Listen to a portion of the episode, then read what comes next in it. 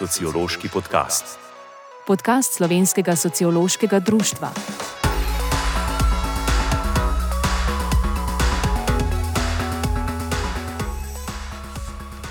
Pozdravljeni, tokratni podcast v gosteh smo posneli v Pritličju.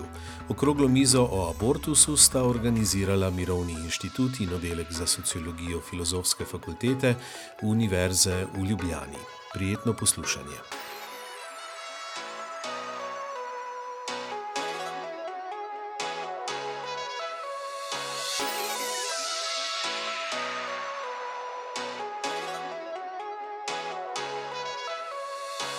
Lepo zdrav na današnjem um, dogodku z naslovom Feminizem in reproduktivne uh, pravice, ki ga organiziramo v sodelovanju um, oddelek za sociologijo Filozofske fakultete Univerze v Ljubljani in Mirovni inštitut uh, v okviru uh, več dogodkov. To je prvi v nizu, ki jih bomo še organizirali v prihajajočem letu in o, katerih, o čemer vas bomo obveščali. Jaz bi preden. Um, dam besedo Romanu Kuharju, ki bo uh, moderiral današnjo debato, podala par izhodišč v zvezi z projektom, v zvezi uh, z današnjo uh, temo. In sicer izhodišče, da so feministični boji, torej o katerih bomo danes govorili, torej pravica uh, do abortusa, do, svobodne, uh, do svobodnega odločanja, um, o rojstvu otrok, volilna pravica in tako naprej, so bili vselej v zgodovini povezani uh, z razmerami, eh, v katerih persistira patriarhalna eh, družbena eh, ureditev, v strukturnih razmerah, kot je rekla Zilaja Einstein, kapitalističnega patriarhata, kjer se vedno prekrivata razredna razslojenost in pa spolna strukturiranost kapitalistične družbe, je v bistvu ogroženost že priborjenih pravic, o katerih bomo danes govorili, vse je neka konstanta. In kot nas v bistvu učijo feministični boj in kot nas uči feministična teorija, je ravno zaradi tega pomembno, da je ta boj konstanten. Ne? Konstantna ogroženost zahteva torej konstantni boj. Avtorica Ana Kralj, Tanja Renar, Vesna Leskušek, Metka Mencin in Mirjana Ule v knjigi Pravica do abortusa opozarjajo, da ne bi bilo presenetljivo, če bi na naslednjih volitvah tudi v Sloveniji tema reproduktivnih pravic in abortusa ponovno postala relevantna v strankarski tekmi. Reproduktivne pravice so uh, namreč močno upete v družbeno normiranje, upete so v uh, politične uh, procese. Nova politična desnica, uh, vemo, da se danes na novo uh, izumlja, je iliberalna, spreminja logiko razprave v uh, demokraciji, neko konsenzu usmerjeno deliberacijo, spretno zamenjuje z kratko slogan usmerjeno, k sloganom usmerjeno retoriko politiko, ki prek afektov, afektivnega komuniciranja in sejanja kulture strahu družbo polarizira. Ta desnica je tudi populistična, avtoritarno populistična, pri čemer uh, lahko vidimo, kako mobilizira populistične antagonizme, namreč vzpostavlja se kot da je blizu ljudem, kot da je zaščitnica ljudstva, je hkrati tudi antielitistična, pri, pri čemer kot uh, elite um, izumlja abortivni lobby, feministična, feministične skupine, LGBT uh, skupnost in podobno. Zdaj, kot ključni družbeni boj uh, se zdi, da ta gibanja uh, proti, uh, proti spolu um, lansirajo veliko zamenjavo, lansirajo teori, teorijo zarote, po kateri dekadentni Zahod, po kateri feministke LGBTQ plus skupnosti kolonizirajo evropsko krščansko uh, tradicijo. Uh, in tukaj vidimo v diskurzu, da se pogosto vzhod, zlasti Poljska, Mačarska, pa um, vzhod sicer vzpostavljajo kot neki braniki pred udorom ne, teorije spola za zaščito tradicionalne družine, za zaščito tradicionalne moškosti. Uh, izpostavila bi dve značilnosti tega uh, gibanja in sicer prvič, da nova politična desnica, kakorkoli rečemo, ne, ima politične konotacije, ima konotacije gibanja tudi. Um, Nekako postaja uh, vs, tematsko zelo široka, ne? se pravi, v polju enakosti spolov problematizira uh, problematizira pravico do abortusa, problematizira istospolne poroke, problematizira proti zakon, protidiskriminacijsko zakonodajo, protidiskriminacijske politike, problematizira pravice transoseb, sega pa hkrati tudi na druga družbena polja, v polju migracij recimo. Protimigracijska, protimigracijski v bistvu diskurs, um, lahko vidimo, da sega tudi v polje znanosti, ne, se pravi, v smeri degradiranja, zmanjševanja pomena znanosti. Vidimo pa hkrati tudi, da evocira neki tip diskurza, ki je zelo premičen, ki je zelo mobilen, ki deluje, kot bi rekla Ruth Wodak, kot neki perpetuum mobile, ki se zelo prilagaja nekim pragmatičnim ciljem, ki jih ta diskurz naslavlja. Se pravi, na eni strani je abortus lahko portretiran kot kriminalno dejanje proti otroku, proti ženski, proti naravi, diskurz pa na drugi strani je lahko zelo prijazen, kot je pokazala Metka Mencin, pasivno-agresivni diskurz z namenom mobilizacije proti splavu lahko zelo prijazno, pokroviteljsko naslavlja moralno večino. Tako da vidimo to neko plastičnost tega diskurza, ki je tudi v tem, da prevzame govor feminističnih bojev, da prevzame govor v imenu človekovih pravic, da nekako vidimo, da gre za ugrabljene elemente emancipatorne politike, ki dobijo novo konotacijo in so lansirani v nekih novih smereh, v smereh pospeševanja avtoritarizma in pa v smereh neke nove retradicionalizacije družbe, nacionalizacije državljanstva, vzpostavljanja neke etnonacionalistične vizije naroda. Zdaj druga ključna simptomatična značilnost pa se zdi, da so prakse, diskurzi in politike te nove desnice izrazito nekapitalistični, nestrukturni, ne naslavljajo strukturnih neenakosti, ampak te prestavljajo v polje kulturnega boja. Zdaj nasprotno, feministična teorija, feministična praksa misli strukturo, misli sistemske neenakosti, patriarhat povezuje z razredom, spolni razred. Shulamit Firestone ne opozarja na neenakosti samo v makropoljih produkcije, ampak tudi v intimi, v vsakdanjem življenju, torej v polju, v polju reprodukcije, v polju potrošnje. To je zgolj nekaj poudarkov iz feminizma, transnacionalna perspektiva je tudi ena od pomembnih, ki jo je gibanje lansiralo. Reproduktivne pravice, ki pa so tema današnje razprave, se zdi zgodovinsko, da so hkrati tudi tema, ki je prinesla v na več točkah v zgodovini v različnih družbah tudi možnost nekega premoščanja razlik med feminizmi, ko torej različna gibanja in iniciative nastopijo skupaj. Morda bomo tudi danes slišali kaj o tem, če ostaja to tema s potencialom za neke nove mobilizacije v kontekstu novih izzivov. Kako misliti spolne reproduktivne pravice recimo trans oseb, kaj pomenijo v kontekstu seksualnega dela, kaj pomenijo v kontekstu vojne, migracije, poljska zakonodaja, danes vidimo, ki prepoveduje splav, postavlja številne izzive tudi ukrajinskim begunkam, mnoge od katerih so tudi žrtve spolnega nasilja. To so nekatere teme bomo rekli, novejšega datuma, ki predstavljajo spet neki nov izziv, ko se pogovarjamo o temi današnje okrogle mize.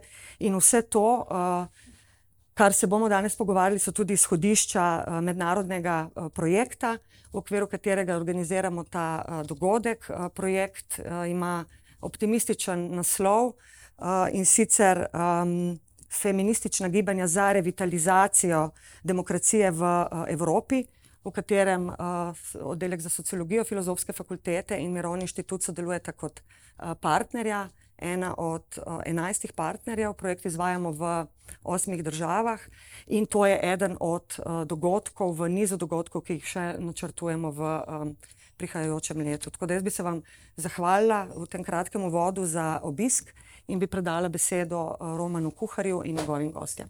Lepo pozdravljene. Moj uvod bo bistveno bolj populističen, kot je bil moj čin vsebinski.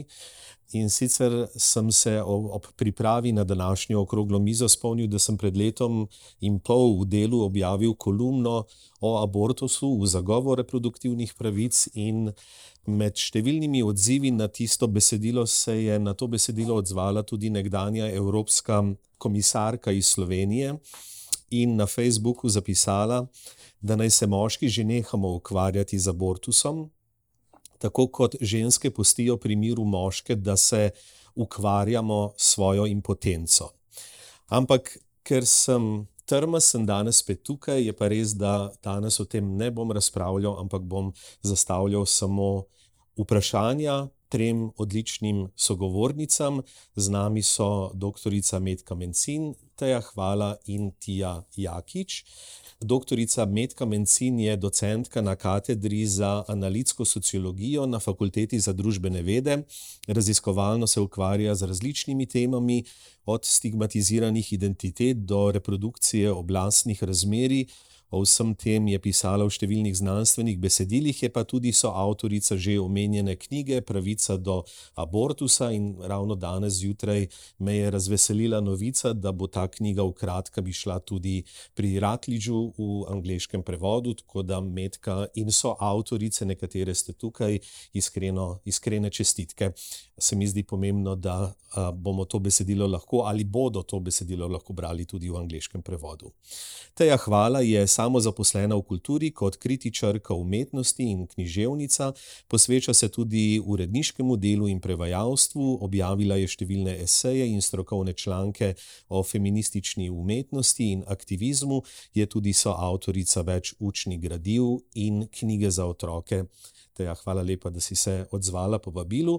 In še Tija Jakič, študentka mednarodnih odnosov, članica programskega odbora inštituta 8. marec. V okviru tega inštituta dela predvsem oziroma se ukvarja predvsem z vprašanji zdravstva in reproduktivnimi pravicami, torej s temo današnje okrogle mize. Medka, če lahko začneva midva, začela bova zgodovinsko, malce spomini. In tole prvo vprašanje je bilo zelo nenačrtovano, ampak sem ravno pred dnevi v nekem drugem kontekstu, kjer sva se srečala, um, dobil informacijo.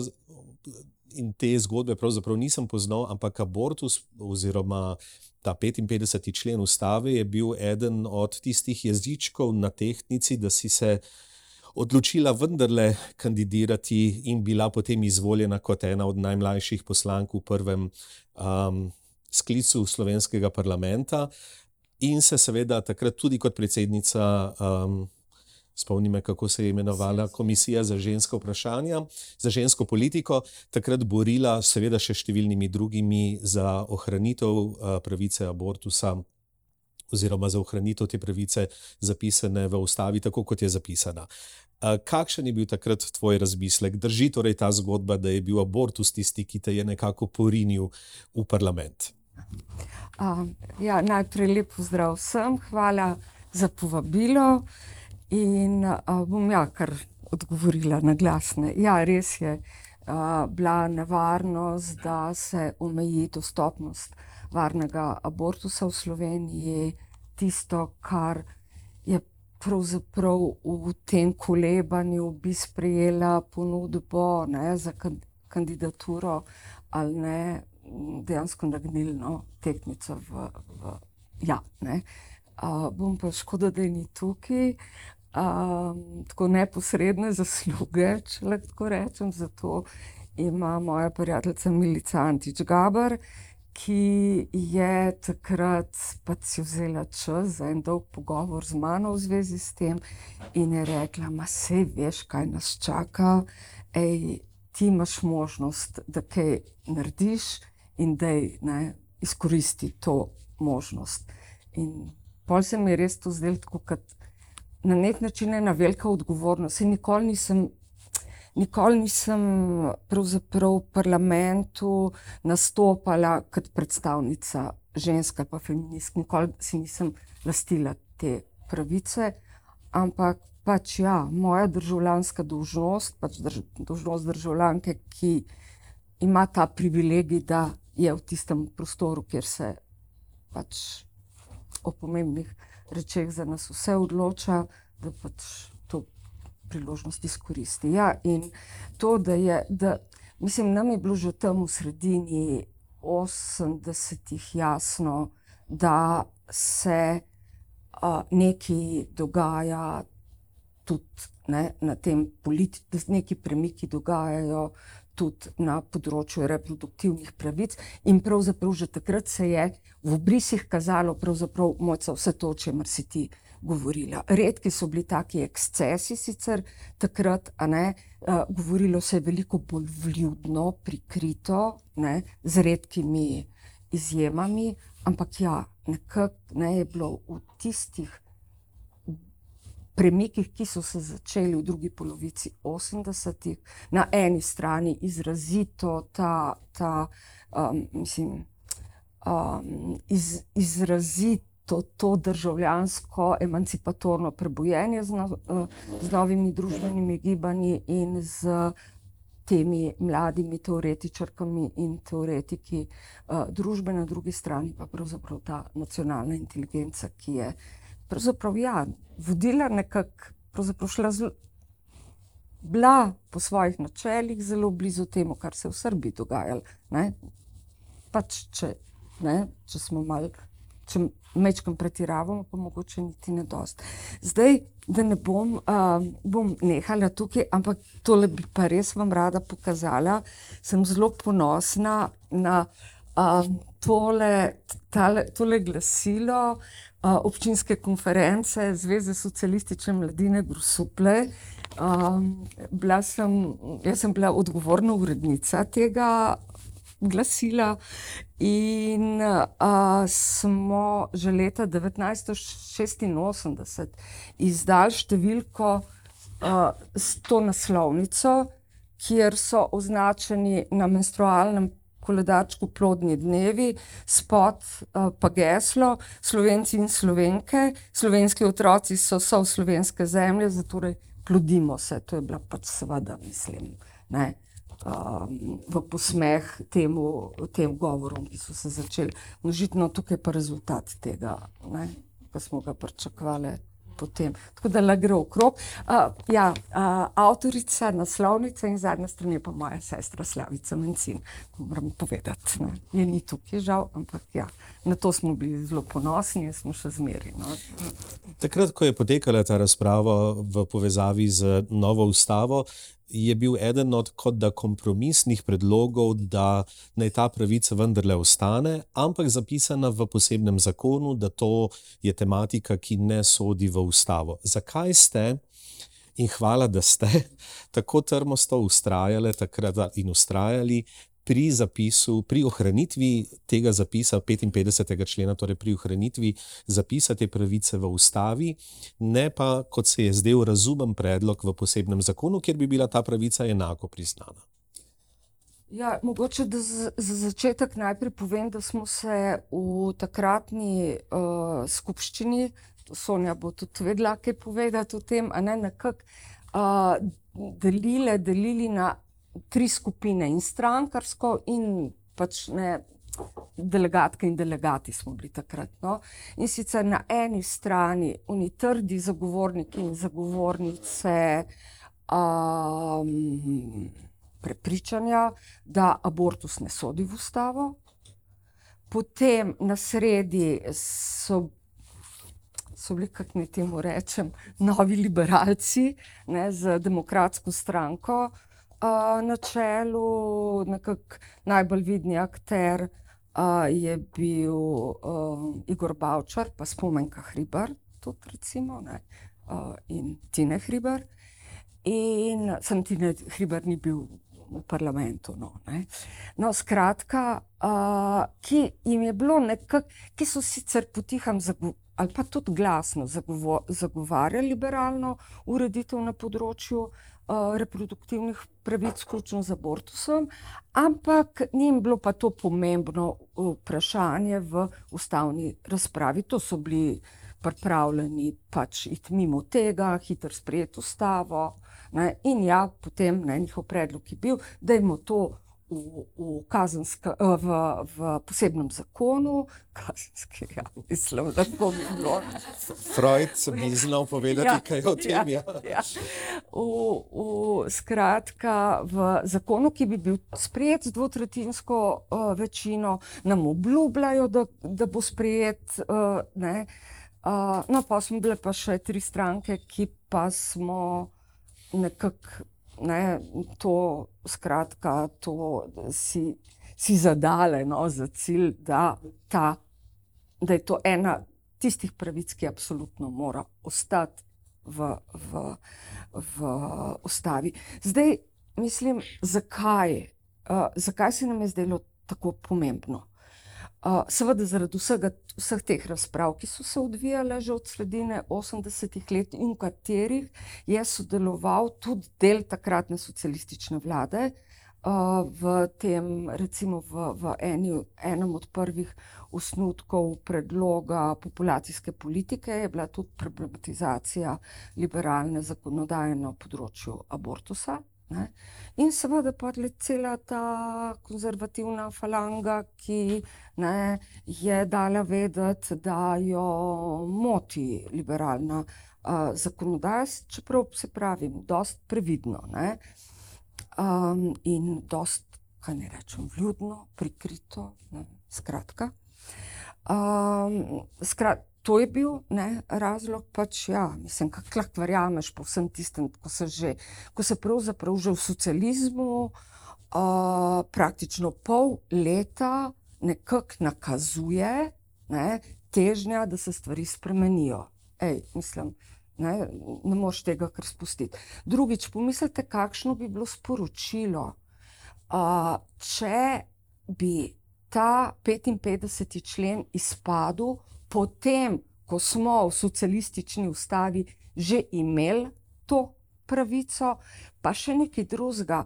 Uh, celo potem, ko so se politične parlamentarne stranke zavezale, da ravni pravic ne bodo zniževale pod raven, ki jih je zagotavljala socialistična uh, uh, ustava. Skratka, na eni strani to, na to bi bilo seveda, mislim, kaj sporočiti. Ne? Nekaj narobe s tem, ne? S to pravico. Ne?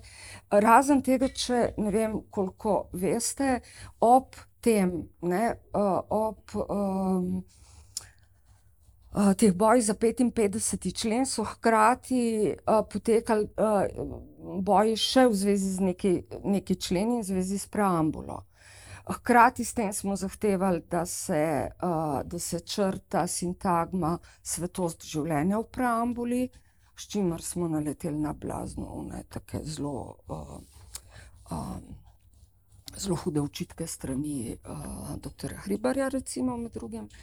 Potem uh, eno je bil govor vesti, ki ga imamo v ustavi, ampak na našo zahtevo je ta ugovor vesti omejen s pravicami drugih ljudi.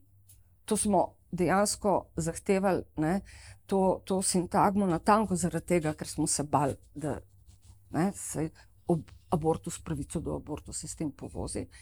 Ja, tretja je bila pa, mislim, zdajšnji 17. člen, ki govori o nedotakljivosti človekovega življenja, kjer so je del pač ne, uh, skupščine zahteval, uh, da se zapiše nedotakljivost človekovega življenja od spočetja naprej. Spočetje smo črtali. Ne?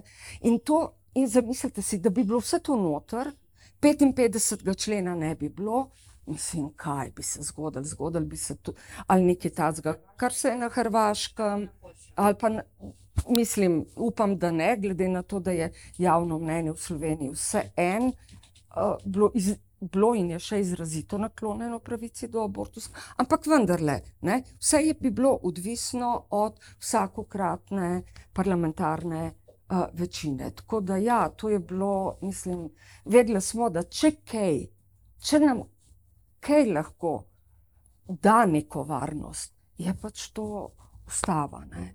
Zato smo tudi pri obrazložitvi ustrajali. Kaj, če bi bil sprejet zakon, bi bil do danes, seveda, že veliko krat spremenjen uh, in popravljen. Še vprašanje, če bi bil sprejet, ker bi bila potrebna dvotretjinska večina. Samo še um, za trenutek ostanemo pri zgodovini, pa se potem premaknemo naprej. Uh, samo še eno, skoraj da mitično zgodbo bi rad uh, zdaj nekako omenil, pa preveril, če to res drži, zaradi tega, ker so zelo različne informacije glede tega. Verjamem, da so takrat potekala najrazličnejša pogajanja, da ste se veliko pogovarjali o najrazličnejših rešitvah. Ena zgodba, ki kroži v naših krogih, je povezana pa s 14. členom ustave, torej člen, ki govori o enakosti vseh, ne glede na različne osebne okoliščine pred zakonom.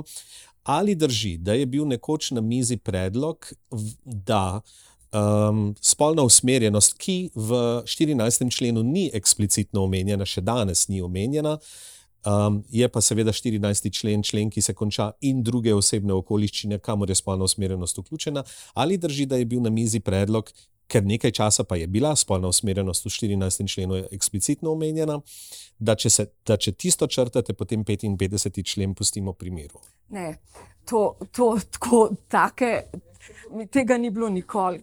In, in 55. člen, in 14. člen z sintagmo spolna usmerjenost je bilo nekaj, česar uh, pač konzervativci niso hoteli hoteli podpreti, nikakor ne enega, ne drugega. Ne. In dejansko niso, ne. oni tudi za ustavo niso glasovali.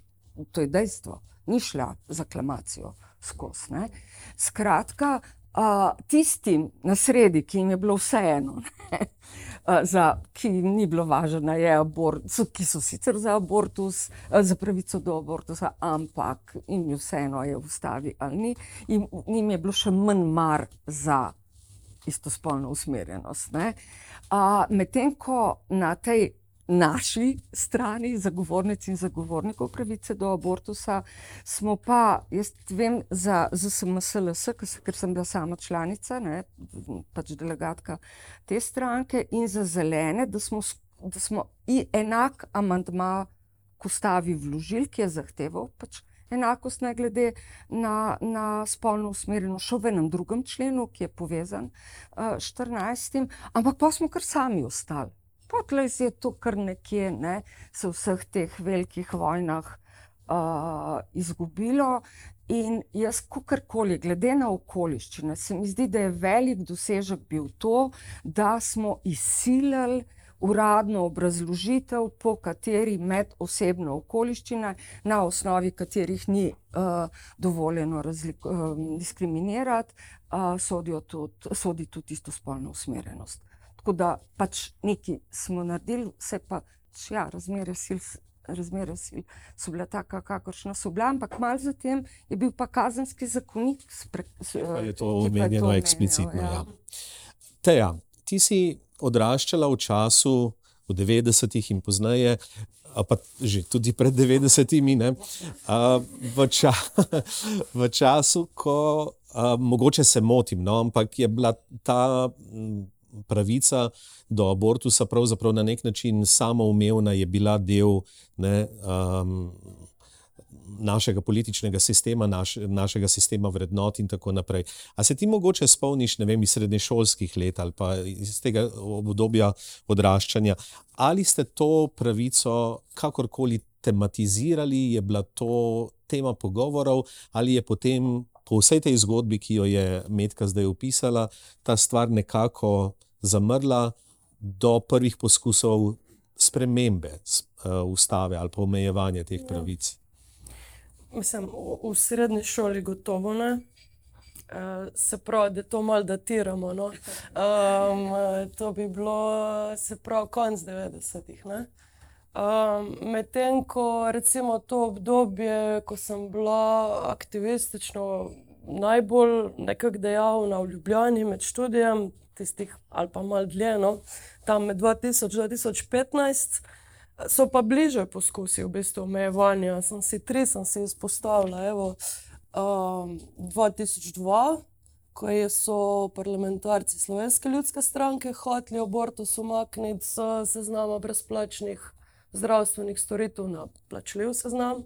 ni šlo skozi zaradi pač uh, feminističnega uh, upora. Uh, in isto ni šlo skozi uh, leta 2006, uh, strategija za zviševanje rodnosti v Republiki Sloveniji, ki jo je predstavil Janez Drobnič, takratni ministr za delo itd. Um, Tiste se mogoče marsikdo tudi še spomni. Uh, poleg tega, da je bila res, res izrazito pronatalistična, je vključevala tudi neke bizarne predloge, ali ženske v rodni dobi naj nosijo bombažno perilo na, in tako naprej. Uh, ja. um, tudi ne samo, da ta strategija ni šla skozi zaradi odpora silnega. Uh, ampak tudi z, uh, je moral drobnič odstopiti zaradi tega. Um, je pa tukaj mogoče fino še dodati, da uh, odzvale se niso samo feministične skupine, ampak tudi recimo poklicna združenja, kot je sociološko društvo.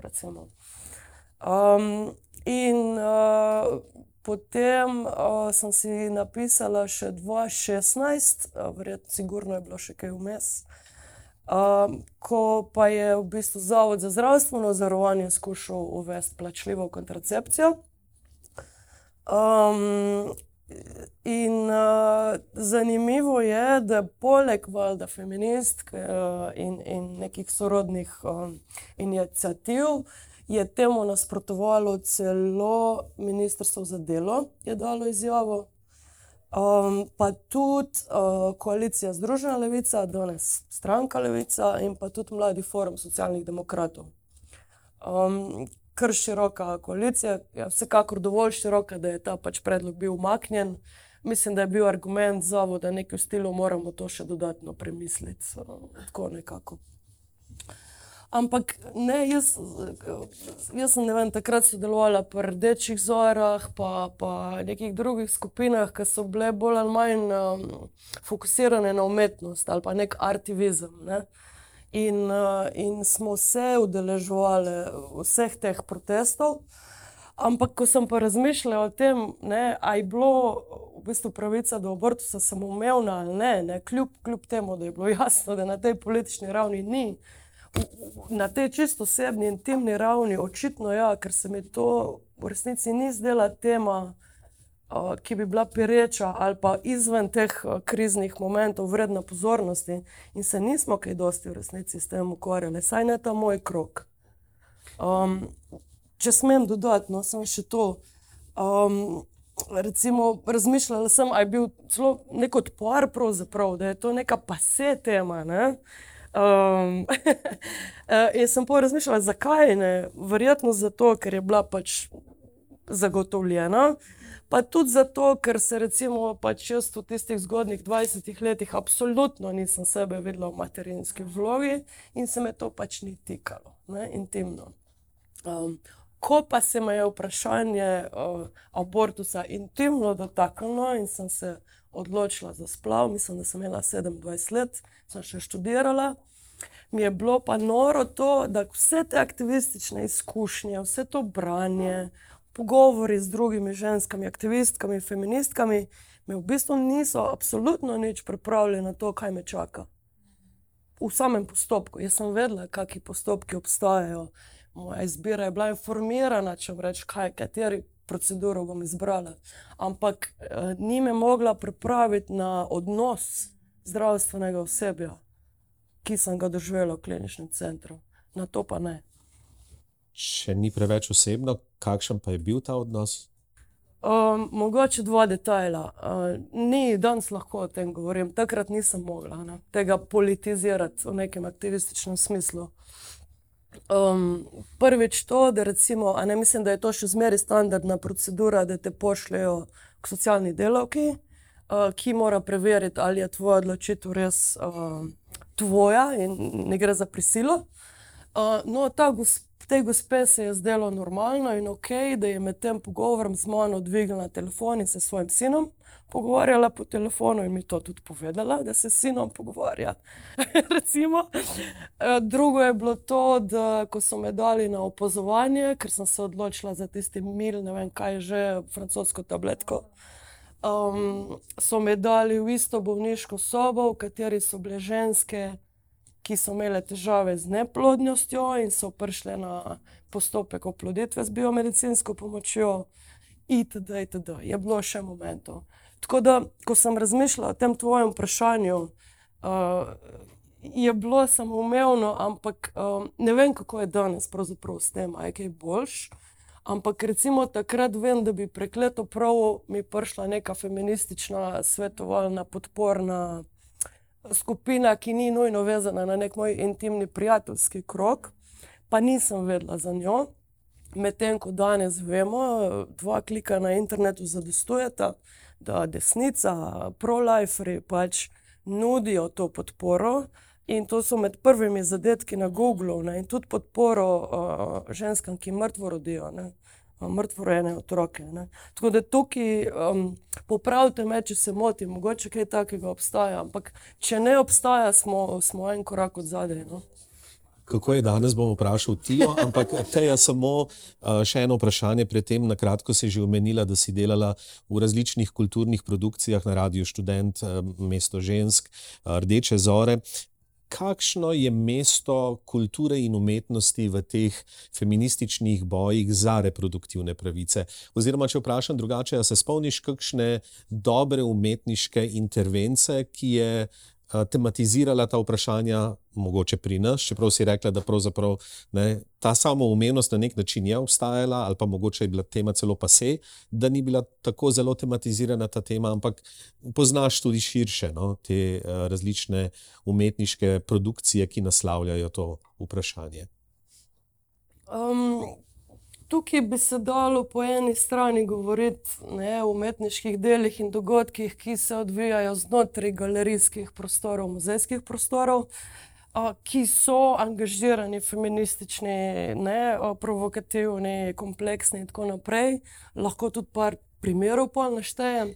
Ki so v Sloveniji nastali kot direkten odziv, ne? recimo na omejitev pravice za, za oploditev z biomedicinsko pomočjo, pomočjo je uh, Zvonka Semčič, Zvonka T. Semčič, naredila performance, uh, ki je danes tudi v obliki videa še na netu, uh, ki se je klical Ab Utero ad Ovo iz leta 2007. In je direkten komentar v bistvu na, na to prepoved pač, uh, za samske ženske. Uh, in v tem videu je ona v bistvu dokumentirala uh, na umetniški način, seveda, uh, kako je sama pravzaprav v teh razmerah lahko tudi kot, kot, uh, kot uh, samska in kot lezbika sploh prišla do otroka, ki mu je dala ime Adam. A sebe je pa v videu uh, predstavil v bistvu v podobi brezmadežne device Marije. Um, zelo, zelo fino delo. Um, in pa drugo delo, ki ga sigurno poznate od uh, Simone Semenič, ta triptih fotografski uh, iz uh, v bistvu že iz leta 2009, ki pa je v, v desničarskih medijih pač eksplodiral leta 2018, ko je Simona skupaj in še tudi um, uh, Maja Smrekar, ne, obe sta dobili uh, nagrado Priširnega sklada in obe deli se v resnici ukvarjata z ženskim telesom in njegovo reproduktivno sposobnostjo na način, ki nikakor pač ne opaša v to pronatalistično, nacionalistično paradigmo. Ne. Um, konkretno gre za tiste tri fotografije, na katerih je uh, Simona Semenič noseča. Um, na prvi ima na trebuhu grb slovenske zastave, zavitajo zastavo, na drugi uh, reže grb ven, in na tretji se skozi luknjo na stolu pokaže njen zaobljen trebuh, nosečniški. Um, tako recimo te, te dve deli, sigurno velja izpostaviti. Ampak v tem bolj aktivističnem ali pa nekem um, bolj neposrednem, no, mogoče odzivu na, na te poskuse omejevanja reproduktivnih pravic, Uh, se mi pa zdi, da so bile daleč najmočnejše razno razne performativne akcije, tudi humorne performativne akcije in pa grafiti. Uh, grafiti. Se pravi, to se mi zdi to, kar se v resnici zunaj galerijskih prostorov no, dogaja. Vem, tam imam par primerov, recimo grafitov iz uh, tistih akcij iz novembra 2006, ko se je nasprotovalo drobničevi strategiji. Lahko preberem. Absolutno, prosim. Ja, uh, eden je bil uh, uh, sarkastičen, podpisan z uh, feminističnim znakom in pestjo, in se je glasil: uh, Fetus ima več pravic kot ženska. Uh, potem uh, eden je v bistvu se odzval tako na to noro strategijo, kot na uh, omejevanje pravice do oploditve z biomedicinsko pomočjo, in se je glasil: Raje proveta kot drobnič za očeta. Uh, in tudi še en za dvig natalitete, oploditev samskih žensk in lezbik. In uh, če se spomnite tistega znamenitega grafita iz, le, iz leta 91, uh, ženske proti narodu za pravico do splava. Zmeri znova in znova gre za to sprego v bistvu nacionalizma in, in uh, patriarhata. Seksizem je premila beseda. Tija, prvo vprašanje tebi sem že napovedal, pa ga mogoče malce razširim. Teja je govorila oziroma se je spraševala, če je tema abortusa tako samoumevna, da je mogoče za njeno generacijo bila celo pase. Kako pa je v tvoji generaciji, zdaj si študentka, ampak srednješolska leta niso tako zelo daleč kot uh, od nas treh. Uh, kakšni so tvoji spomini? Vem, da je zelo, ne, zelo težko generalizirati uh, in govoriti za celotno generacijo, ampak kako si ti uh, doživljala ta vprašanja? In če mogoče še dodatno aktuali, aktualiziram vprašanje feminist, feministka, opredelitev feminist, feministka. Ne, smo pred kratkim videli, da tudi na pozicijah moči imajo nekateri težave z razumevanjem tega, kako je to v tvoji generaciji. Ja, sej, um, jaz v bistvu ne um, imam ta občutek, da sem dve leti nazaj zaključila gimnazijo, pa, pa ni temu tako, ne je že v bistvu kar šest let. Ampak ja, um, je definitivno, če se spomnim iz osebnih izkušenj, že če gremo na pojem feministka, feminista. Um, definitivno, jaz sem bila. Uh, Zato, ker prihajam tudi iz take družine, kjer so mi vedno govorili, da moram povedati svoje mnenje na glas, uh, velikrat ne kritizirana, predvsem s uh, strani um, fantov, a ne ja, ti feministka in tvoja, ta tvoja prepričana. Tako da definitivno um, tudi zdaj. Ko hodimo po Sloveniji z inštitutom, po različnih mestih uh, in vseh, in se pogovarjamo z mlajšo populacijo, opažamo pri dijakih in dijakinjah, da imajo nek nek, kot nek strah pred besedo feminizem. In kot si tudi ti že omenil, ne, to se tudi kaže v tem, da ljudje na uh, pozicijah moči, se pravi, tle govorimo zdaj o, o predsednici države in predsednici državnega zbora, uh, ki sta pred kratkim ne, um, uh, tudi rekli, da. da Se pa definitivno ne bi oklicali za feministke, kot da je to nekaj um, kužnega, uh, da pač to, ne, vsi pa tudi mlajše generacije, se oni to poslušajo. Um, definitivno ne moramo govoriti o feminizmu kot uh, vse eno, vsi feministi smo isti, vsi ne, so podskupine. Ampak če pa, če pa že generaliziramo, ne, je pa pomembno tem mlajšim generacijam predvsem predstaviti, da je to nek boj za enakopravnost in neko skupno delovanje. In tako mi tudi delujemo skozi inštitut, z nekimi akcijami, z nekimi spreminjanji zakonodaje ali referendumi, pokazati, da, ne, da pač um, je feminizem pravzaprav uh, boj za boljšo družbo uh, in pač si sam želimo, da, da se ta mit razbije, tako da aktivno delujemo. Um, Proti tem, ker nas v bistvu straši, ne, da, da se v šolah um, o tem tako uh, pogovarja. Tudi moja mama je učiteljica in potem mi kakšne zgodbice govori, ki um, me prav mi je grozno v bistvu, ne, ker um, vem, ljudje imajo v bistvu, v bistvu imajo podobna prepričanja kot jaz, ne? tudi kakšne prijateljice. Govorijo, o, jaz si želim, vem, da, bi, da bi vsi imeli neko dostojno življenje, uh, da bi vsi vem, imeli um, dostop do stanovanja. Ne? Vse neke take feministične pozicije, ampak potem pa če vprašaš, ali si ti feministka. A ja, ne, ne, feministka pa nisem. da, če Tija, te lahko samo za trenutek še v srednji šoli uh, zadržim. Uh, greva, bova šla tudi do inštituta 8. marec in vaših aktivnosti. Kaj pa pro-life argumenti? Uh, Teja je omenila, ali pa prej je bilo omenjeno, da so to zdaj eni od prvih zadetkov v Googlu, uh, če vtipkaš vprašanje reproduktivnih pravic, abortusa in tako naprej. Um, Ali so te pro-life argumenti bili nekaj, kar um, je bil del tvoje generacije, ste o tem razpravljali, ali je to zdaj dejansko zelo učinkovita akcija v zadnjih nekaj letih? Jaz tega v svojem krogu definitivno nisem opazila, nekih prola, seveda pač imaš, imaš ljudi, je pa, je pa dejstvo, da ne, tako kot je te, tudi Teja rekla, da je tudi v naši gener generaciji bila ta pravica do splava že normalizirana, ravno zaradi tega, ker je zapisana v ustavi. In se, se nam tudi zdi, da mislim, in se je meni tudi zdelo takrat, da je, da je pro-life neka minornost, mogoče sem se s temi argumenti srečevala, ko sem šla ne, do Leonišča, pa so bili tisti. Uh, Tih pet ljudi, uh, ki jih zdaj, hvala Bogu, ker zadnjič sem šla in sem čisto navdušena, ker ni bilo niti več šotora spredaj za, za uh, z- zaščito ljudi, ki grejo dejansko na levnišče. Um, kar pa me, s- na, me straši, je pa, da v bistvu ravno to, ne, te zadetki. Pravzaprav ni nekih podatkov, ko se ti odločiš. Ne? Mi lahko govorimo, ker se, ker se veliko ukvarjamo s tematiko, pa pač vemo, kakšni so postopki, vemo, nas spraš, kaj nas bojo sprašvali, malo se že psihično pripraviš. Ampak um, problem pa je, ne, ko pride do družbenega molka. Potem tisto je pa strašljivo, ne, ker ljudje nimajo podatkov in ko grejo na Google in je prva stvar, kar jim pride um, pod srč uh, iskreni pikanet, takrat se moramo v bistvu um, bati. Zdaj zaradi tega smo, uh, bom pa jaz kar skočila v inštitut, zaradi tega smo mi uh, aktivno delamo tudi prav. Pravzaprav na portalu Moja odločitev. Uh, tukaj sodelujemo tudi z ginekologinjami, tam le je um, dr. Simetinger, ki nam tudi zelo pomaga. In to um, je v bistvu, mislim, zelo pomembno nam je sodelovanje z um, zdravstveno stroko, seveda. Uh, še posebej zaradi tega, ker se mi zdi, da pa pač.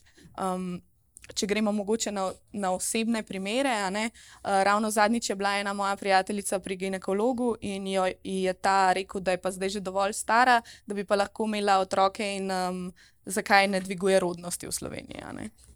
Um, tako da smo zelo veseli, kadar delamo z ljudmi, ki se pa aktivno um, uh, za to borijo. Zaradi tega mora biti tudi nek portal, mora biti neko izobraževanje ljudi, um, da pač pride do, da, da pač se to totalno normalizira tudi uh, v, v, v tem um, pogledu.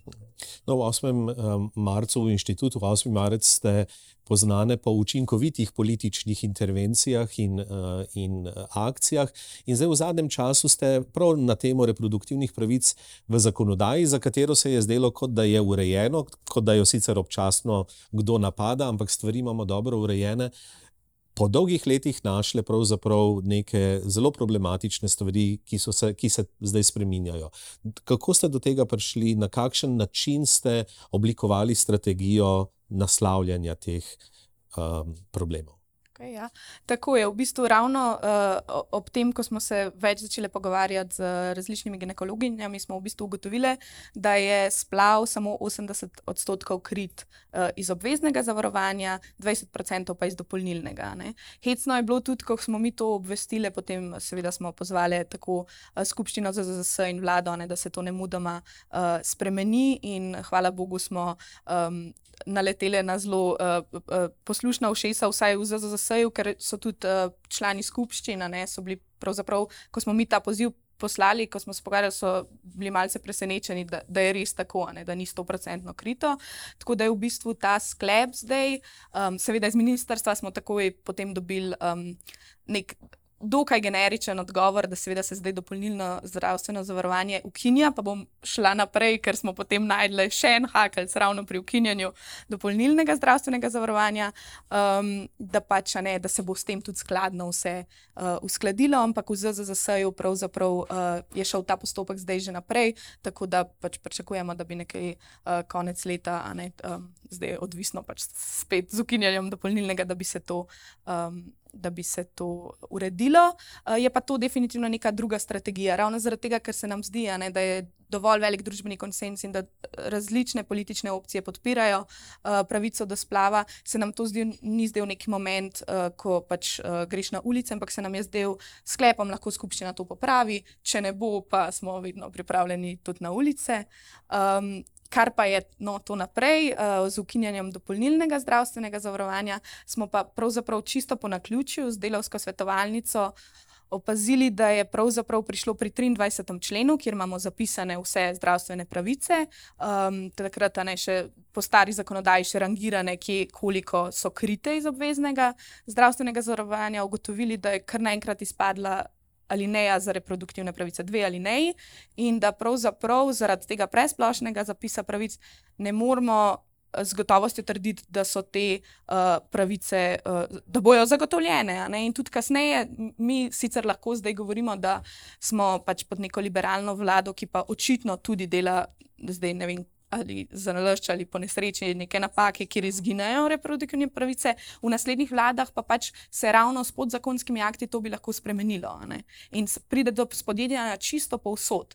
Tudi um, potem, ko smo imeli v bistvu strokovno skupino uh, zdravnikov, smo opazili, da niso samo reproduktivne pravice izginile, izginile so pravice za transplantacijo organov. Tako da mi smo dosti direktno potem. Um, Eh, pozvali, naj se ljudje opredelijo, ne, in so nam iz Gibanja Svoboda sporočili, da to definitivno niso naredili, če pa so, bojo pa to popravili.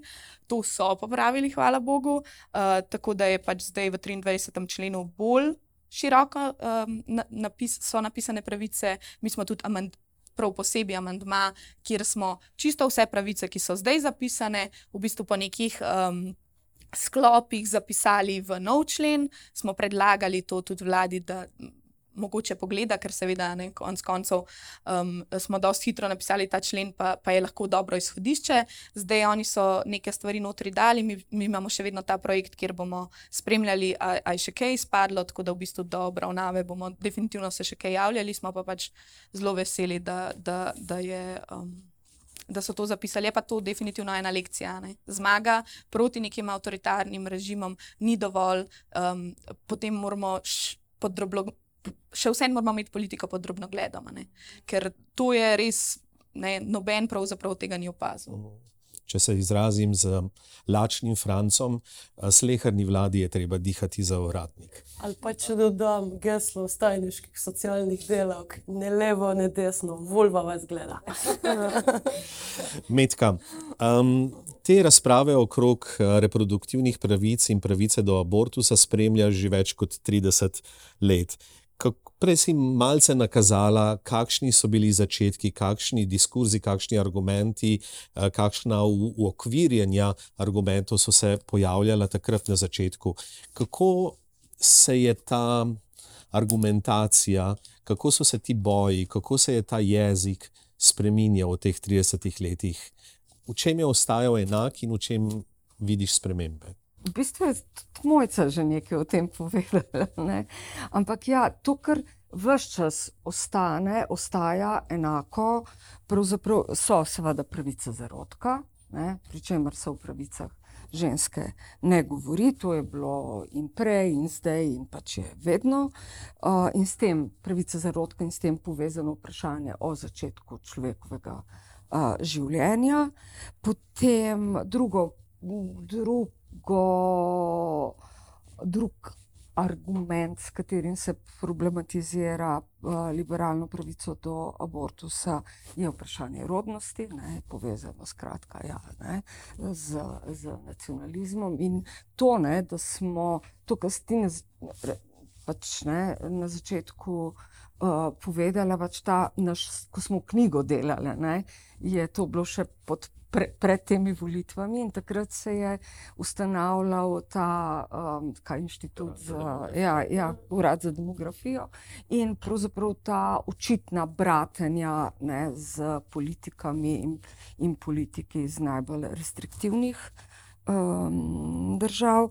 Skratka, um, tam smo lepo videli, da pač nataliteta, reproduktivne pravice, to je v, uh, po njihovem prepričanju v obratnem sorazmerju. Uh, in vloga očetov, to je tudi nekaj, kar sicer se bolj sem pa tja. Ne, uh, omenja ne zelo glasno, prej se ni zelo glasno, tudi zdaj se ne preveč glasno, se pa pojavlja na teh spletnih straneh, iskrenih ne, in tako naprej. To, kaj pa vloga očeta, ne, to ne more biti pravica uh, ženske. To so nekako tiste tri, recimo, ne. Um, Ja, trije argumenti, s katerimi proti pravici do abortusa nastopajo bom rekla, pač anti-choice gibanja, no, gibanja proti uh, izbiri. Zdaj, to, kar je novo, to, to si tudi ti že omenila, to je ta pokroviteljski, paternalističen odnos. Do žensk, ne samo v tem smislu, vam bomo mi pomagali, ampak tudi, ve, sploh ne veste, da trpite. Ne? Mi vemo, da trpite, ve, ve, ve, v resnici trpite, pa tega ne veste. Ne? Uh, to, je, to, je, mislim, to je res zelo, uh, zelo pogost, pravzaprav uh, zelo pogost diskurs, s katerim nagovarja mlade ženske. Ne? In seveda, mislim, nagovarja in vernice, in tiste, ki niso verne. Ne? Seveda pač govori o neki potencijalni stiski ne? in na ta način uh, pač seveda govori tudi o krivdi, ne, implicitno. Uh, to je eno, drugo je, da uh, drug, drug, drugo, kar se pravzaprav en argument, ki, oziroma učitek, no, uh, ki se prej pred letom 90 jaz ga vsaj nisem zasledila, je učitek, pravzaprav obsodba ginekologov in ginekologi v socializmu, čež da so ženske silili k abortusu. Mislim. To je res žalitev za vse, ki so toliko napora vložili, vložili v to, da smo v Sloveniji imeli zgledno urejeno svetovanje uh, ženskam v zvezi z uh, pač, reproduktivnimi pravicami. No. In um, tretji, uh, tretja, um, tretji učitek je pa, se ga pa zelo agresivno naslavlja na zagovornice in zagovornike pravice. Do abortusa, tako zelo nasilno, ne, da pravzaprav res v tem lahko že vidiš uh, spodbujanje nasilja. No? Ne, to je To je povezano s tistim abortivni lobby, ki je kriv za genocid nad slovenci. Ne? To je, mislim. Um, tako da. Pa kaj misliš, da je tem diskurzom v sodobnosti dalo več te agresivne etike v primerjavi z 90-im? Kaj se je spremenilo?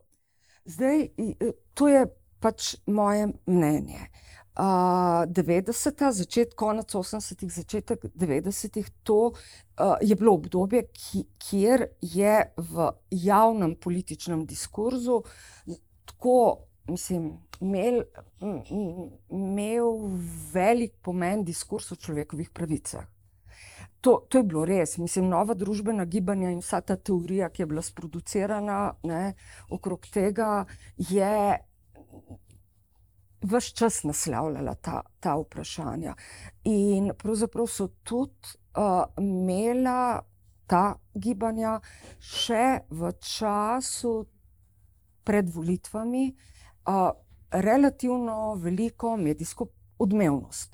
Zelo so, ne, uh, velik, relativno veliko možnosti javnih nastopov, komentiranja in tako uh, naprej.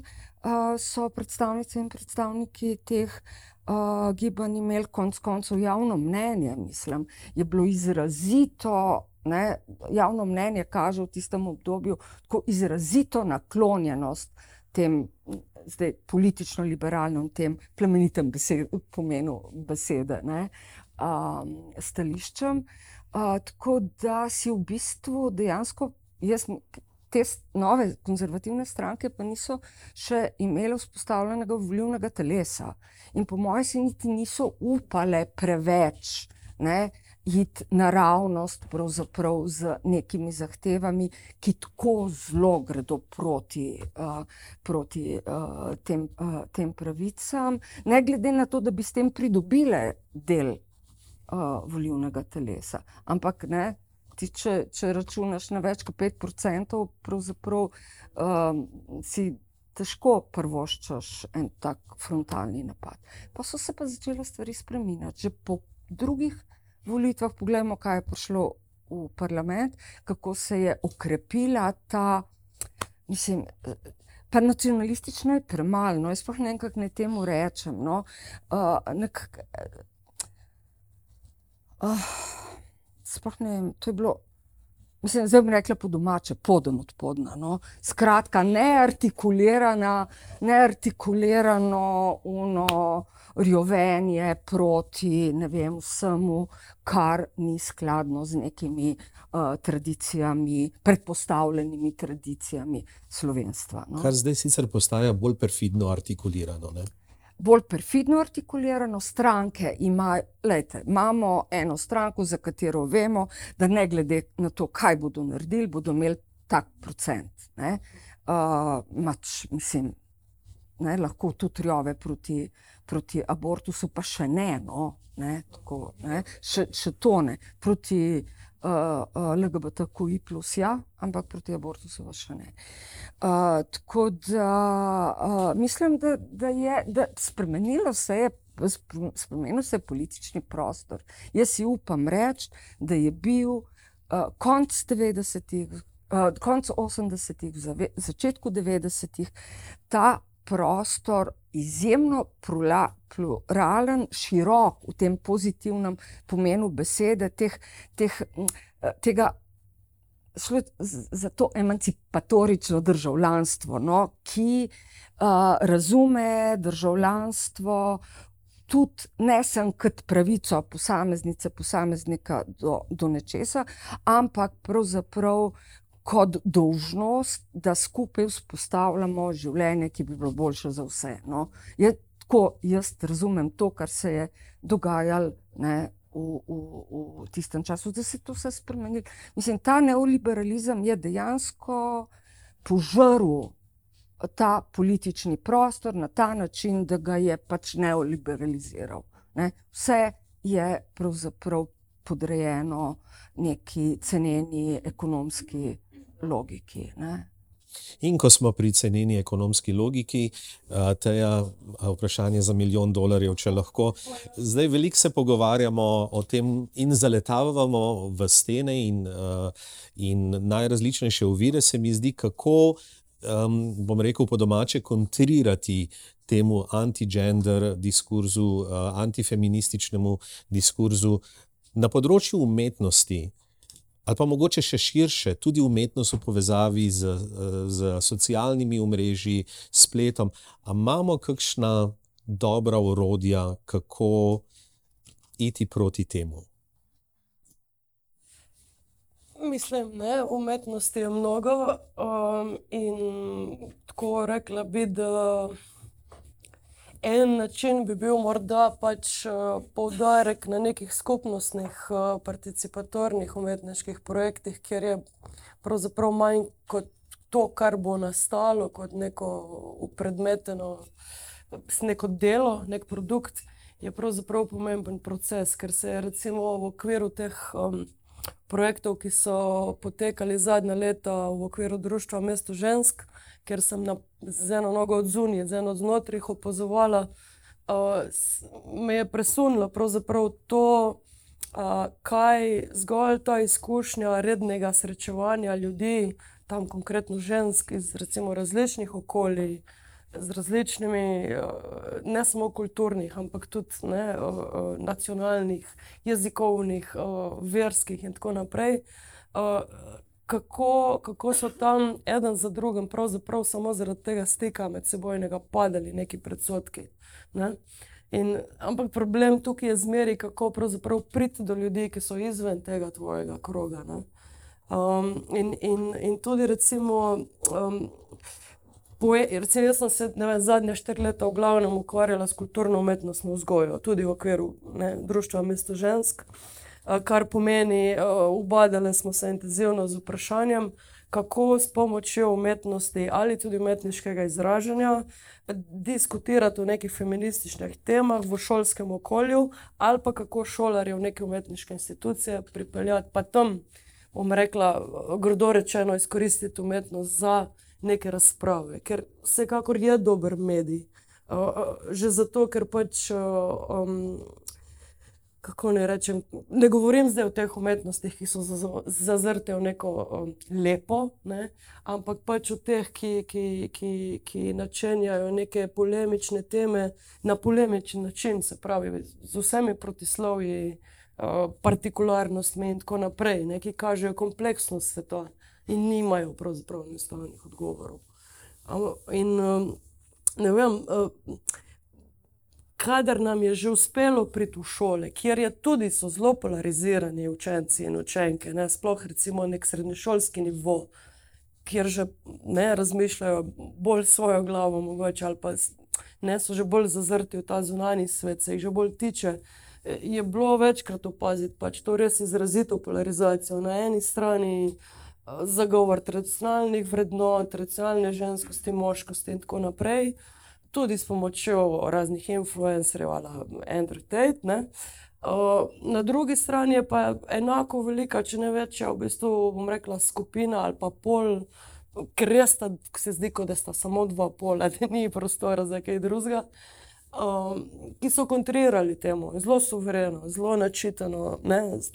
In, in me je pravzaprav to presenetilo pozitivno, ampak se mi je zdelo, da, da v bistvu tudi brez umetnosti, ne? že samo v tej diskusiji med njimi, kader ti prideš sploh kot nekdo zunani, ki ni vezan na ta uh, hojo, bom rekla, po jajcih, ne? previdnost, katere se morajo zdaj tako držati učitelji in učiteljice, da niso uh, takoj obtoženi širjenja LGBT in propagande in ideologije spola. Um, ti kot zunani imaš privilegij, da se ni treba na to ozirati in so te debate mogoče malo se zaostrijo na ta račun. Um, samo problem je, da, da če zdaj se k umetnosti vrnem, je ta, ne, da morate vedeti, da v srednji šoli je, če ne govorimo o umetniških šolah, ne, je sodobni umetnosti sta dve šolski uri namenjeni v celem šolskem letu. In to pomeni ne samo, da nimajo učenki, učenci ali pa dijaki, dijakinje prilike. Ne, uh, spoznati uh, tega sveta, bom rekla, ampak tudi uh, to pomeni, da tudi uh, učitelji, učiteljice uh, imajo v bistvu strah pred tem, ne? zato ker se jim zdi nedostopno, hermetično. Zaprto v neke inštitucije in namenjeno nekim izobraženim elitam. Ne. Sej je tudi resnica o tem, ne rečem. Ampak pač problem je pravzaprav, kako, kako umetnost ven iz teh svojih okvirov, ne, ven iz sveta umetnosti spraviti. Ne. Zato sem prej podarila artivizem in neke ulično, pravzaprav, neke ulične intervencije, ne, ker imaš vendar širšo publiko. Zadnja težava, ki se pa, ne, če se k šolstvu vrnem, je pa seveda to, kar sem že omenila. Uh, jaz temu rečem, ker preventivna samocenzura ravnateljev in ravnateljic, ki ne spuščajo uh, potencialno spornih tem v šole, kot je vem, ljubezen med, predstava ljubezni med dvema dečkoma, to je že sporno. Uh, pa je lahko najlepša predstava na svetu. Uh, in uh, ti, med, ki si pisala o tem, tudi ne, ti si bila bolj, uh, bom rekla, uh, bolj, uh, mogoče manj ostro terminologijo si uporabljala. Nisi rekla temu samo cenzura, ampak si rekla previdnost oziroma mok. Mok o, o vseh seksualnostih, ki se razlikujejo od teh samoumevnih norm. Ne? In, in zdaj šole se hočejo izogniti konfliktom ne, z uh, starši, ki zagovarjajo bolj tradicionalno, neko ne, uh, normativno uh, seksualnost in, in spole. In, uh, in uh, kar se zgodi, je praviloma, da v resnici v kratko potegne pač neko naprednejše emancipatorno stališče. Uh, prevlada pač strah pred, pred desnico. Um, Kar je seveda del teh strategij, antifeminističnih in anti-gender, ta samo um, omejevanje, ki, o katerem govoriš v šolskem prostoru, je zagotovo posledica vseh teh njihovih intervencij, čeprav v kurikulumu seveda obstaja zaslomba za govor o vseh različnih temah. Ne? Dokler so te teme obravnavane objektivno, dokler to ni uh, indoktrinacija, se v šolah lahko pogovarjamo. O vsem, pravzaprav, ne? in bi se pravzaprav morali pogovarjati o vseh temah. To, recimo, spolna vzgoja, ne bi se mislili, to je perfekten perfektna tema, kjer bi se lahko o teh temah pač govorilo. Ne? Samo žal, vse kaže, da ni tako. Ne? Prvič je po obsegu formajhna, umeščena izključno v pouk biologije, razen če na lastno inicijativo učitelj, učiteljica nekih družboslovnih predmetov o tem spregovori. Govorim tako o osnovni kot o srednji šoli. Ne? Um, in je tudi medicalizirana, to, če ne izvaja učiteljice biologije ali učitelji, potem je to zdravstveno osebje, in je seveda heteronormativna, uh, in znotraj tega tudi penetrativno naravnana in prokreativno naravnana. Čeprav, kar je za pohvaliti, je to, da vednost o kontracepciji je zelo prisotna med današnjo mlado populacijo, o tem konc koncev pričajo tudi ne, zelo nizka stopnja uh, nosečniških, uh, mladostniških nosečnosti. Um, in uh, to znanje obstaja. V tem smislu pač spolna vzgoja je upravila svoje delo, tudi če ima pomankljivosti, ampak je pa zelo, zelo zamejena in mislim, da bi tudi to mogel biti eden od teh pomembnih terenov feminističnega boja in LGBT boja, kako hudiča pač uh, doseči, da, um, da bi se vsebinsko in časovno pač spolno vzgoja razširila. No? Tija, razmišljam, kako tri hitre vprašanja stlačiti v enega. Um, Sveda me zanima, kaj 8. marec, inštitut 8. marec še načrtuje na tem področju, ker sama delaš predvsem na področju zdravja in reproduktivnih pravic, ampak v, v povezavi s tem me pravzaprav zanimata še dve dimenziji. Tisto, kar inštitut 8. marec. Ločuje od glavnine drugih nevladnih organizacij, je, se mi zdi, vaša decentralizacija. Kaj ste, mislim, vi dejansko greste v slehrno slovensko vas? In me zanima, kaj v tej slehrni slovenski vasi, ko se pogovarjate o reproduktivnih pravicah ali pa odpirate ta vprašanja, kaj tam slišite, na, ka, kakšnem, na kakšen način se vam obrestuje ta strategija.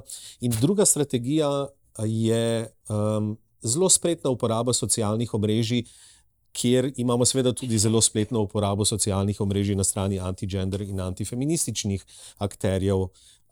Zanima me, kaj s temi objavami na Facebooku, Twitterju, um, TikToku uh, in podobno, um, na kakšen način s tem bijete svoje boje? Vem, da so zdaj to tri široka vprašanja, ampak. Super. Zdaj, kaj še načrtujemo? Mi smo v bistvu s, temi, s to tematiko začeli pred, um, pred državno-zborskimi volitvami. Takrat smo tudi en zbornik izdali, kjer smo v bistvu vse politične stranke, tiste, ki so se seveda želeli z nami pogovarjati. Um, Prav uh, sprašvali o polju reproduktivnih pravic, in kar v bistvu, če vse te projekte, ki jih dajemo skozi, opažamo, je, ne, da je potrebno nenehno opozarjati in opominjati, da so pač to neke pravice, ki so bile priborjene, in da moramo konstantno opozarjati tudi na pozicije kolegov iz tujine in kolegic, ki nam govorijo, ne, kaj se dogaja z njihovimi uh, zdravstvenimi sistemi, kako zginjajo pravice. Uh, tako da v bistvu mogoče se bo slišal banalno, ampak mi imamo ena naša članica Petra, um, ona je v bistvu uh, tudi zelo zadolžena na, na tem področju in uh, pravzaprav smo uh, na inštitutu naročili vse polske časopise in jih Petra prebira, in v bistvu tudi uh, zelo um, veliko objav dajemo na to temo, ravno zato, ker je, ker je tukaj je hakalc. Ravno ta, vsa ta antifeministična, anti-gender gibanja imajo eno stvar skupno in to je, da se mednarodno čudovito povezujejo, tudi uh, zelo prijateljsko, če vidimo, kakšne te um, voditelje, in, in tukaj je ključane. Um, več mora biti tega mednarodnega uh, povezovanja. Zdaj, um, vprašal si glede uh, glede teh vasi in, in mest, po katerih hodimo, res je. V bistvu bi se jaz le vrnil na tle. Mi smo v inštitutu, jaz sem se pridružil 2018, se mi zdi, ali pa ja, 2018, um, smo od Nike pravzaprav veliko poslušali o čas je za. Jaz sem takrat sicer za čas je za, jaz sem bila še v gimnaziji, sem delala kot prostovoljka na, na, na teh štantih um, in, in um, sem bila že takrat eh, dosta aktivna, ampak od Nike smo pogosto poslušali to samo kritiko in ona tudi velikrat uh, se kar krivi, da pač to ni šlo. Um, um, Ne, da že takrat ni, ni prišlo do te uh, zmage, uh, ker pač uh, tudi prav, da ni bilo terenske mreže. Ne. Ravno zato mi pri vsakih volitvah, pri vsakem referendumu, po vseh mestih, zdaj seveda, kakšne regije so mal bolj podhranjene, probamo iti ven in se pogovarjati z ljudmi. Uh, dejstvo je, ne, da tudi na te terenske mreže pridejo vseeno ljudje v mehurčku. Tako da um, definitivno mi poskušamo uh, izobraževati ljudi, se pogovarjati o različnih temah, itak tudi znotraj nekih takih velikih gibanj, kot je bilo, ne vem. Voda pride do različnih stališč. Ne? Jaz mislim, da tako, ker sem se pogovarjala sicer o neki drugi tematiki z neko prostovoljko, ki ni čist razumela, pa sem pač probala predstaviti moj vidik in je v bistvu čist spoštljivo je rekla, ok, razumem, bom mogoče na to stvar zdaj gledala drugače. Uh, dejstvo pa je, da moramo tukaj najti mejo, ne, ko se pogovarjamo s temi ljudi, uh, ljudmi. Mejo med nekim, nekimi čustvi, ne, ker pač druga stran res na čustva igra, in mejo, da se zaprstavljamo tudi neumnostim, ki jih izrečemo. Ne, in res targetiramo stvari, ki so pač neresnične, in samo probamo te uh, lažne novice um, prekiniti. Uh, še nekaj si me vprašal, pa sem pozval. Socialno omrežje. Aha, socialno mreže, tako hecno mi je bilo, ki si rekel TikTok, to imam jaz in še ena kolegica, pa smo zadnjič ravno od mlajše generacije od nas dobili informacijo, da um, smo cringe. Tako da očitno um, um, se tudi mi še tukaj iščemo. Socialna mreža v bistvu uh, rada. Postajajo če dalje bolj problem, ravno Facebook si omenil. Tudi opažamo, da algoritmi ne delujejo več um, enako. Uh, in tudi, ko se z drugimi nevladnimi organizacijami pogovarjamo, da pač je samo nek, um, nek mehurček, v katerem se odzvanja, zdaj pa pač mi probamo skrat, na socialnih omrežjih res najbolj različne stvari um, delovati eh, čez zgodbe ljudi, ne. Objavljati zgodbe ljudi in, um, in v bistvu na različne načine, ali so to zum pogovori, pričevanja, um, neke posebne akcije, uh, to spraviti v eter. Tako da, uh, tako mogoče. Hvala. Zdaj si omenila že nekaj strategij, ki jih uporabljate pri dekonstrukciji anti-gender, antifeminističnih argumentov, diskurzov in tako naprej. Za konec vprašanje za vse tri. Um, zakaj mislite, da se je, ta anti-gender strategija in za nalašč omenjam besedo gender, zaradi tega, ker jo ponekod uporabljajo kot ne, eh, znak za neko zahodno, včasih komunistično ideologijo, ne, ki nam je usiljena, nekaj tujega, kar nam je usiljeno, niti ne znamo prevesti v slovenski ali pa v domači jezik. Um, zakaj, je ta, zakaj je ta govorica tako učinkovita? Oziroma, če zelo banalno vprašam, zakaj ljudje verjamejo, da gre za otroke in da je abortus umor? Eno lahko vprašanje za konec, Metka, lahko začneš. Ja, mislim, zaradi. Ja. Pač, ne, najprej bom z gender začela. Uh, tle je. Um, gre pač, jaz to razumem tako. Težko si je zamišljati svet, bom rekla, brez spolov. Težko si je zamišljati svet, ki ni bi, ne bi bil urejen po, ali pa tako po spolnem binarizmu. In se vztrajamo, vztrajajo, vztrajamo pravzaprav pri tej opori. To je eno od opor tega družbenega reda, v katerem živimo. Ravno ta spol, spolni binarizem, ki seveda ne, um, zgleda utemeljen v naravi. To je bilo, ma, če je celo zgodovino se, se govori o tem, da ne, gre, gre za naravno delitev, je pravzaprav težko pričakovati, da se bo ta mit o naravni delitvi, o tem, da je pač narava vzpostavlja te reči, je to težko razgraditi. Še, pravzaprav še hujše. Danes je na vse zadnje, pogledajte, katere, katere, katere znanosti dobijo, uh, dobivajo največ sredstev. Znanosti, ki se dejansko ukvarjajo z biološko podstatjo, ne samo človekovega telesa, človekovega mišljenja, ampak družbene ureditve, kot je recimo ne vem, ne, neuroznanstveniki uh, pišejo o tem, da je tvoja politična uh, usmeritev zapisana v tvojih možganih, že pač ne vem, ob rojstvu. Ne. Skratka, se mi zdi, da je to, biologija je v tem negotovem svetu pravzaprav nek garant neke varnosti. Če kaj nam bo biologija pojasnila. To se mi zdi, da je en razlog. Glede, uh, glede um, tega vprašanja, ne, pač abortus, uh, umor, uh, je pa dejstvo, ne, da gre za vprašanje, pri katerem imajo tudi številne, številni zagovorniki, zagovornice pravice do abortusa, pravzaprav um, občutijo nelagodje. Ne?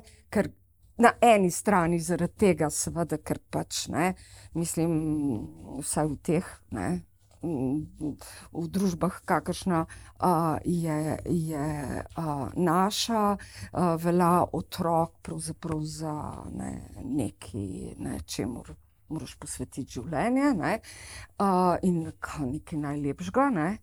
Uh, in to vprašanje začetka življenja, kdaj se zares življenje uh, začne, ne, kjer seveda odgovorov je veliko, vse te glavne, uh, mislim, najbolj razširjene religije imajo svoje odgovore, ki niso enaki. Ampak je, je neko vprašanje, ki seveda je povezano z vprašanjem etike. Ne? Zato recimo je ne vem, ne, filozofi, ki se ukvarjajo z. Uh, filozofijo, mislim, z etiko, ne, govorijo, recimo, razpravljajo o tem, da ja, je pač vprašanje, kdaj. Ne? Kdaj je tista meja, ko rečemo, da, se, da to še ni za res človeško uh, življenje. Je pač, ja, je povezano, vprašanje abortusa je povezano z razumevanjem življenja. In zdaj, ne, tako da, zato recimo, ne, pogosto zagovornice in zagovorniki pravice do abortusa uh, govorimo o tem, da pač tukaj gre za, recimo, temu narekovaju, to je tako zelo na hitro rečeno, ne, zelo površno, kolizijo dveh pravic in mi zagovarjamo pravico ženske. Ješ kaj? Ne? Nekaj moraš zbrati, če ne, je. Uh, tudi tako, dobro, seveda, mislim, pa prideš vsi ti argumenti, kdaj se. Ne? Ampak to, no, tako jaz vidim te, kako ti vidiš te stvari. Pa če mogoče dodam, a si, glede na to, da si bila aktivna v času uh, teh referendumov, um, od obeh dveh referendumov, o družinskem zakoniku, pa o um, biomedicinski pomoč, pomoči, oploditvi z biomedicinsko pomočjo, a smo se kaj naučili iz teh referendumov? A si ti potegnila kakšno lekcijo? Prvič to, da vztrajnost velja da zgodba o biomedicinski pomoči še ni zaključena. Upam, ne. Vse jaz ne bi več kaj. Uh, edino to, no še mogoče, da, da res to, kar smo že prej, kar si že ti prej omenila, ne, da, da mo, mogoče ne gre, bom rekla, um, vnaprej si zamejiti predstave o tem, kdo so možni zavezniki in kdo so ne anti uh, ne, v teh primerih, ker te lahko marsikdo preseneti v dobrem ali pa v slabem smislu. A si razočarana nad temi razkoli znotraj feminizma, ne toliko v Sloveniji kot v tujini, pojav tako imenovanih TERFs in podobno? Mislim, kader pride do teh trenj na ravni identitetnih politik, zavijam z očmi, neštekam res naštekam. Uh, Kader pa pride do, do, do v bistvu, um, razlik, ki so utemeljene na nekih pač temeljnih izhodiščih, misli, ki jo zagovarja določen feminizem, a upošteva neke strukturne situacije, razloge za nepravičnost, ali, ali pač se giblje na površini uh, nekih kulturnih specifik, ne, tam se mi pa zdi absolutno upravičene razlike. Tija, ti si že prej omenila lekcije iz um, obeh dveh referendumov um, in nujnost te mreže in delovanja, ne samo v Ljubljani, ampak uh, tudi širše. Kako ti vidiš um, moč teh diskurzov in kakšno zdravilo imate v 8. inštitutu 8. marec proti temu. Predvsem zdaj ta zadnji argument, če, se, če govorimo o reproduktivnih pravicah, je povezan s trpljenjem ženske. Um, postabortivni sindromi in podobne stvari, ki jih lahko beremo ponovno med prvimi zadetki na spletu. Tako. Ja. Zdaj, jaz bi tako rekla, da tega v inštitutu ne moramo sami narediti ne? in da tako moramo skupaj stopiti in, in se zoprstaviti. Zdaj, vseeno imamo pa neko pozicijo, ne? da pač ni nujno, da so spet toliko učinkovite, uh, da se jim ne da zoprstaviti. Ravno kot smo govorili, ne? to je zapisano v ustavo. Imeli smo pred leti um, uh, vice, da, da so se ljudje pripravljeni povezati, zoprstaviti se nekim takim um, um, kršitev pravic. Tudi pred parimi leti, ko je bilo, meni se zdi. Uh, govora o tem, da bo kontracepcija plačljiva, je, so ljudje tako rekli, alo. Dajmo se malo ustaviti. Zdaj pa, če pa že govorimo, ne, zakaj so učinkoviti, se malo sem prej to govorila. Um, definitivno ne mednarodna povezanost, kot sem že prej rekla, pa to nagovarjanje čustev. Vse tle ne moreš, um, mislim, zelo težko je za ljudi, ki mogoče ne berejo o tem, ne razumejo, izhajajo iz nekega okolja, um, kjer jih pač zagrab panika, pa neracionalnost in pač preprosto sam ne razumejo drugačnosti. Z, eh, zaradi tega moramo dajati nek dober um, proti. Ne bi rekla udarec, ampak proti argumente in, um, in dejansko podkrepiti z dokazi. Zato so pomembne neke take platforme, kjer ljudje dejansko um, lahko vse spremljajo. Ja? Te protiargumenti morajo biti utemeljeni v neki racionalnosti in dejstvih, ali tudi Malce v čustvih. Morajo, seveda mora, moramo najti neko zdravo mejo, kot sem še prej rekla, tudi, tudi s čustvi. Ampak kar je pa tista ne, tretja točka, kjer pa. Zakaj so ta gibanja, je pa pač crkva. Vse v vsaki vasi, v vsakem mestu je ta institucija, ki, dolgolet, ki ima dolgoletno tradicijo, pravzaprav podarjene platforme, kjer se pač ta prepričanja širijo. Um, tako da je, to je definitivno, jaz mislim, zelo, zelo velik. Jaz imam veliko prijateljskih, hodijo k maši in so takrat um, uh, in govorijo. Uh, ponavadi pred temi protesti, pro-life, jim župniki, duhovniki govorijo ne, različne stvari, kaj, oziroma kaj se mora obkrožiti, kaj, kaj se tukaj krši ženskam, kako so te ženske boge. Bilo pa enkrat, naprimer, tako cvetka. Ne, um, ena prijateljica je bila ravno, uh, župnik je govoril o tem, kako se in govorijo, ona je pa zelo zagovornica, seveda, pravico do izbire. Je pa naredil feler, gospod pa je rekel, da se življenje začne ob rojstvu in je punca ostala in je rekla: No, to sem hotela slišati in je šla ven. Um, v glavnem, ne, uh, definitivno pa pač. Um, Mora pa tudi, glede na to, vseeno pa so tukaj še vedno za nas te izzivi, da čeprav se ta vlada prodaja kot neka bolj liberalnih, ne, um, moramo paziti, kaj tudi oni počnejo. In, in tudi, če govorimo za čas, je za večina politike, vsaj meni se zdi, takrat držala neke, neko figo v žepu. Ne? Ni bilo to res un udarc in alarmantno je tudi zdaj, da vlada ni takoj.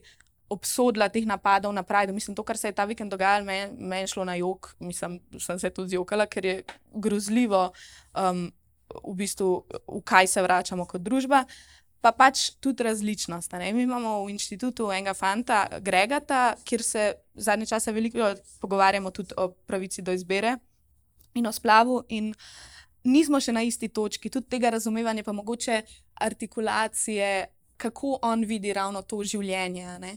Ampak istočasno pa vemo, da smo imeli trenja, lahko tudi tako, mislim, trenja. Smo se, so to kar v bistvu težke debate, um, ampak vemo pa, da kljub temu, da on mogoče drugače razume, kdaj se življenje začne, če bi bila kršena ta pravica, bi stopil naprej in rekel, in rekel ne, vsaka ženska se lahko odloči za sebe.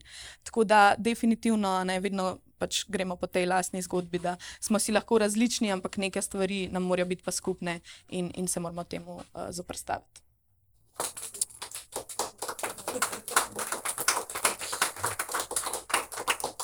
Ta aplauz bom razumel kot zaključek, uspešen zaključek te okrogle mize. Tudi uh, časa nam je zmanjkalo, ker imamo ta prostor rezerviran samo do sedmih.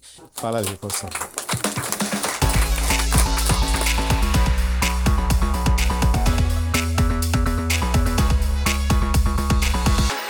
Sociološki podcast. Podcast Slovenskega sociološkega društva.